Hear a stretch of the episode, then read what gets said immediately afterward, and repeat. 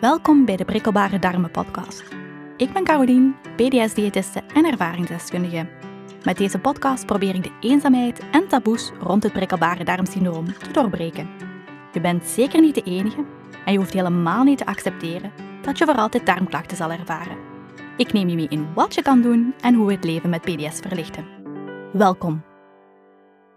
In deze aflevering verdiep ik me in het prikkelbare darmsyndroom. Wat is het? Welke symptomen ervaar je? Hoe ontstaat het en wat is de rol van voeding bij darmklachten? Het prikkelbare darmsyndroom, of kortweg PDS, is een functionele darmaandoening. Dat wil zeggen dat er iets misloopt in de functie, in de werking van de dikke darm. En het prikkelbare darmsyndroom heeft zeer typische darmklachten.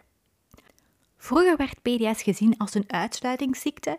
Er moest eerst onderzoek gebeuren of je geen celiakie, dus glutenintolerantie, had, of dat je geen ziekte van Crohn, colitis ulcerosa had.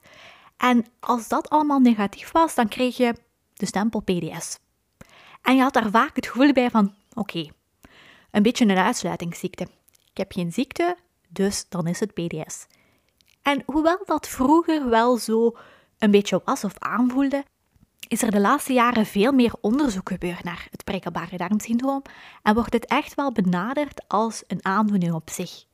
Want het prikkelbare darmsyndroom kenmerkt zich wel door typische darmklachten die aan bepaalde criteria voldoen. Het is niet zo dat als er geen darmziekte aanwezig is, dat het altijd PDS is. Nu, het frustrerende is, als je de diagnose PDS hebt gekregen, heb je vast en zeker al heel wat onderzoeken gedaan die telkens keer op keer normaal terugkwamen. En je bent misschien wel opgelucht dat er niks uit die onderzoeken gekomen is en dat het inderdaad PDS is, maar je hebt nog heel wat darmklachten en je pijn is misschien zo erg of je klachten kunnen soms zo fel opspelen dat je denkt dat er iets meer aan de hand is en dat je eigenlijk wel schrik hebt dat er misschien iets over het hoofd gezien is. En dat komt doordat je darmen eigenlijk meer prikkels binnenkrijgen. De naam prikkelbare darmsyndroom zegt het al. Je darm is prikkelbaar, die is gemakkelijker geïrriteerd en die is vooral heel gevoelig aan prikkels. Het prikkelbare darmsyndroom is eigenlijk wel een frequente aandoening. Ongeveer 7 à 15 procent van de bevolking, dat wil dus zeggen zo'n 1 op 10 mensen, overal ter wereld heeft PDS. Dus dat is eigenlijk wel iets wat heel vaak voorkomt. Dus je bent zeker niet alleen. Maar ik begrijp wel als je denkt dat je alleen bent, want er wordt niet zo vaak over stoelgang of darmklachten gepraat, want ja, dat zit allemaal nog een beetje in de taboesfeer. Nu, gelukkig merk ik daar wel een trend dat mensen veel meer openlijk praten over hun probleem en dat PDS ook wel stiltjes uit die taboesfeer komt. Je hebt het misschien al verteld aan familie of vriendinnen of aan collega's. En je merkt dat je daar ook niet de enige bent en dat er nog altijd wel iemand anders is die ook darmklachten ervaart. Het komt frequent voor, dus we zien dat ongeveer bij 1 op 10 van de mensen voorvalt. En waarschijnlijk is dat zelfs nog meer. Maar natuurlijk, de klachten van het prikkelbare darmsyndroom zijn voor iedereen anders. En er zijn heel veel mensen die die klachten genormaliseerd hebben, die daar zo gewoon zijn om met die klachten te leven, dat ze misschien zelfs niet doorhebben dat ze darmklachten hebben of dat de klachten die ze ervaren, dat die niet normaal zijn. Dat niet iedereen die ervaart. Of de impact op het leven is zeer beperkt, waardoor mensen het soms ook niet als last ervaren. Het is misschien ook wel dat je je alleen voelt met die PDS omdat je omgeving het niet begrijpt. Voor je omgeving kan PDS lijken op een keer buikpijn hebben, een keer darmklachten ervaren. En waarom doe je daar nu zo moeilijk over? Ik heb ook wel eens last, iedereen heeft toch wel eens last van zijn darmen. Maar jij en ik weten allebei dat het prikkelbare darmsyndroom veel meer is dan alleen wat buikpijn. Het prikkelbare darmsyndroom kenmerkt zich wel door typische darmklachten waarbij vooral die pijn centraal staat. Dus die pijn is eigenlijk kenmerkend en daarnaast is er een verandering in stoelgang. Om te spreken van het prikkelbare darmsyndroom moet je dus wel aan bepaalde criteria voldoen. En die criteria houden in dat je darmklachten maar liefst zes maanden geleden moeten begonnen zijn. En dat je de laatste drie maanden minstens één keer per week buikpijn had. en daarbij nog aan twee van volgende drie criteria moet doen. Ofwel heb je buikpijn die gelinkt is aan je ontlasting, dus zodra er stoelgang is gemaakt, neemt je pijn af, of neemt je pijn net toe. Ofwel is er een verandering in frequentie, dus je gaat minder vaak of net veel meer naar het toilet. Of er is een verandering in de consistentie van je stoelgang. Die wordt harder of die is platter. Dat zijn de criteria waaraan je moet voldoen vooraleer je een diagnose PDS kan krijgen. Dat zijn de typische darmklachten. Maar er kunnen natuurlijk ook heel wat andere klachten nog voorvallen bij het prikkelbare darmsyndroom. Zoals bijvoorbeeld slijm bij de stoelgang, gasvorming, waardoor je meer winderigheid ervaart, een opgeblazen gevoel, een uitgezette buik. Het prikkelbare darmsyndroom is een chronische aandoening en wordt ook wel gekenmerkt door klachten die komen en gaan. Periodes van geen last of heel weinig last wisselen zich af met periodes van veel last. Die kunnen ook verergeren of verminderen doorheen de tijd. Dus het kan zijn dat je jarenlang geen last had van je darmen en dat opeens, bam, die darmklachten daar zijn. Of je hebt heel je leven al wel last gehad van die darmen, maar die impact was vrij beperkt. Dat was eigenlijk miniem last en ineens verergeren die klachten. En heb je de laatste jaren of maanden veel meer last en begint dat door te wegen. Nu, de intensiteit van klachten is gewoon verschillend van persoon tot persoon.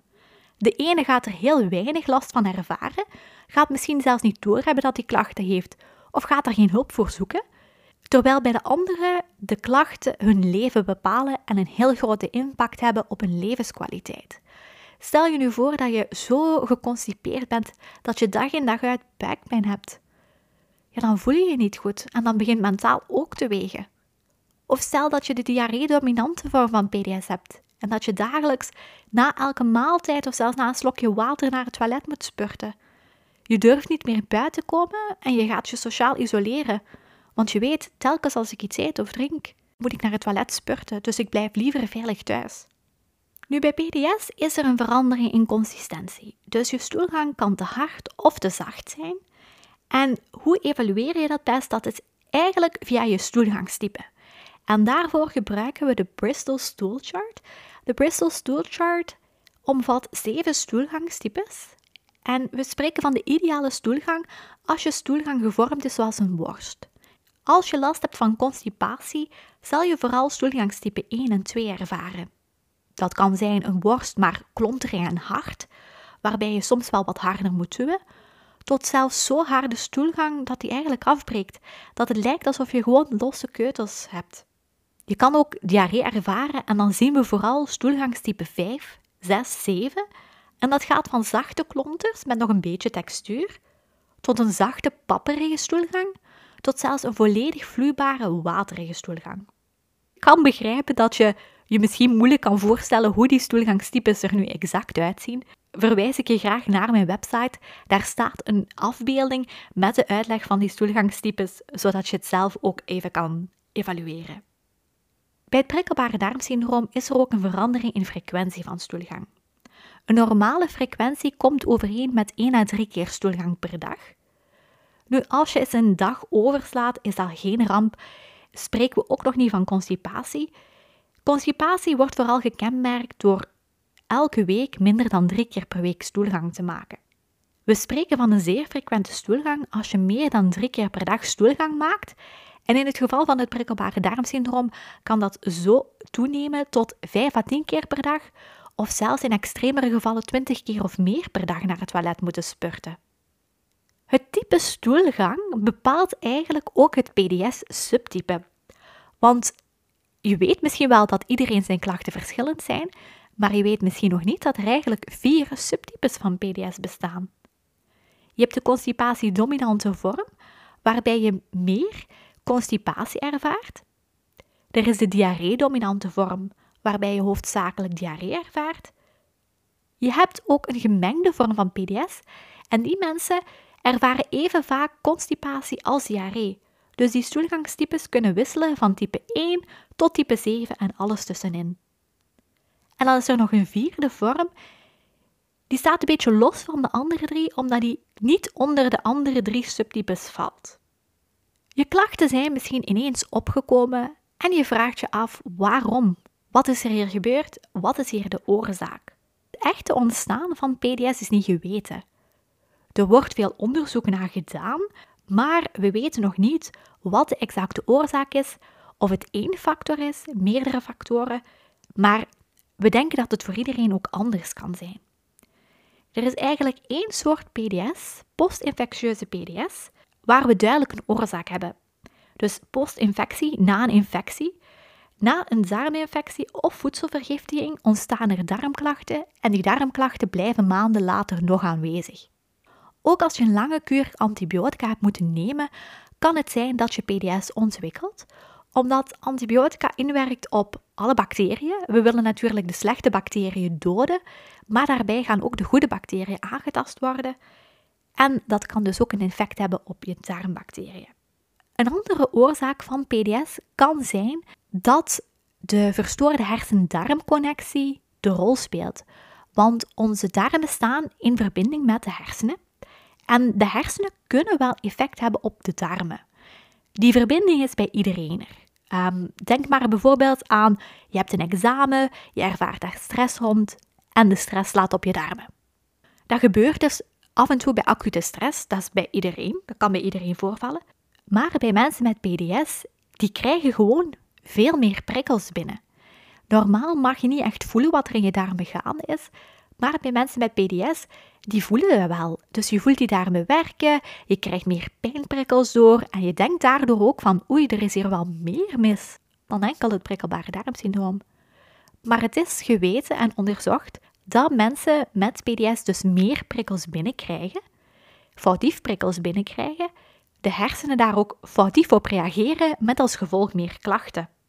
Het prikkelbare darmsyndroom kan ook ontstaan door een uh, disbalans van darmbacteriën, galzuren.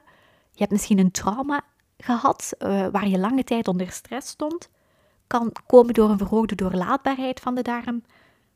De exacte oorzaak weten we dus niet. We weten wel dat PDS een chronische aandoening is die niet te genezen is, maar gelukkig wel te behandelen. Het wil niet zeggen omdat het niet te genezen is dat je levenslang gaat moeten leren leven met die darmklachten. Nee, er zijn gelukkig heel wat behandelopties voor PDS beschikbaar. Nu, dat zijn er zoveel die ik vandaag niet allemaal kan behandelen, dus daar ga ik zeker in een van de volgende podcastafleveringen dieper op in. Maar ik wil wel nog vandaag het belang van voeding benadrukken. Want voeding is geen oorzaak van het prikkelbare darmsyndroom, maar kan wel een uitlokkende factor zijn voor die darmklachten. Je hebt misschien al gemerkt dat je op bepaalde maaltijden of bepaalde zaken uit de maaltijd reageert. Voeding speelt bij maar liefst 75% van de mensen met PDS een rol, dus dat is zeker een goede piste om te bekijken om controle te krijgen over die darmklachten. Als je nog niets geprobeerd hebt in je voeding aan te passen, raad ik aan om te starten met de eerste voedingsaanpassingen, het optimaliseren van je voeding en het verbeteren van je eetgewoontes. Als dat niet voldoende blijkt, kan je op zoek gaan naar de boosdoeners, naar jouw persoonlijke foodtriggers.